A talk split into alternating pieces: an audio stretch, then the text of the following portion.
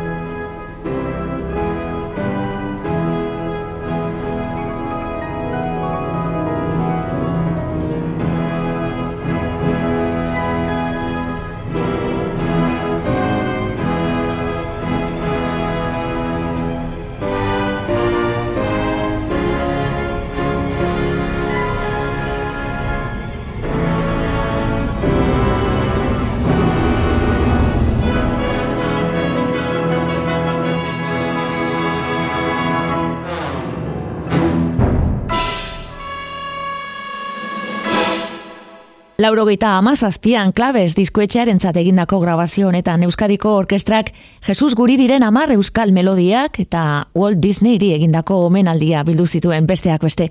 Bertatik, entzun dugu Ricardo Rekejo pianoan. Klasikoak eite ben. Pomp and Circumstance izeneko lanarekin Edward Elgar kompositore Britaniarra gogoratuko dugu English String Orchestraaren eskutik.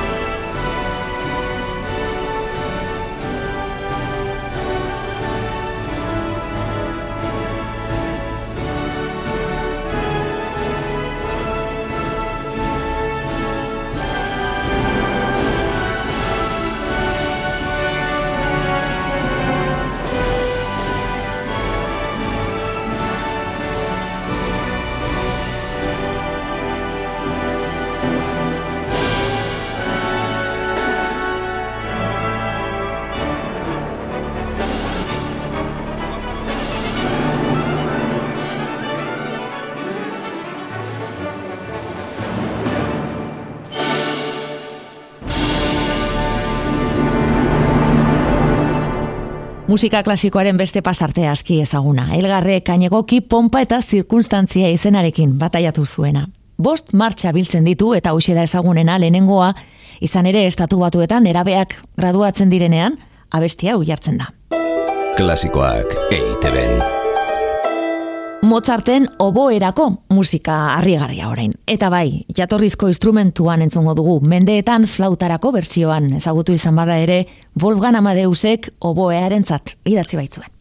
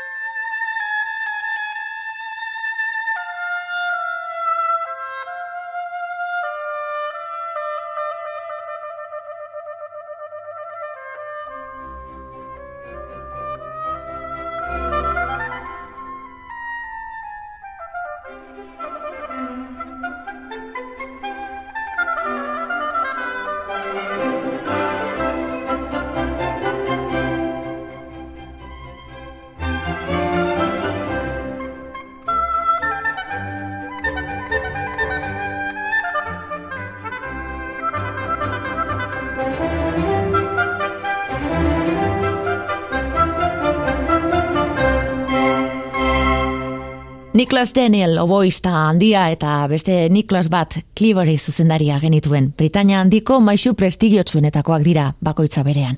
Mozarten irureun damalau oboe kontzertuaren alegretoa eskeni digute Britain Sinfonia Gambera Orkestrarekin batera. Britania hau ere eta aurreko biak bezala fama handikoa. Klasikoak eiteben. Eta jarraian, gaurko saioaren gailurretako bat, gluken Orfeo eta Euriditxeren aria ospetsua.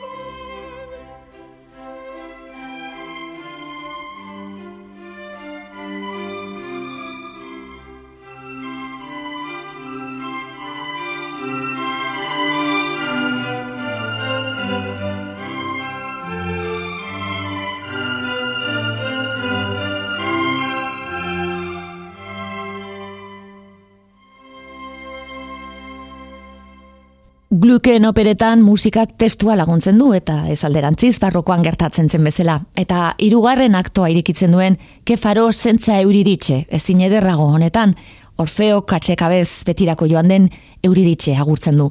Berez, gaur Beselina Kazaroba metzoaren agotzean entzun dugun partitura kastratuak abesteko idatzi zuen eta aldatzen joan da.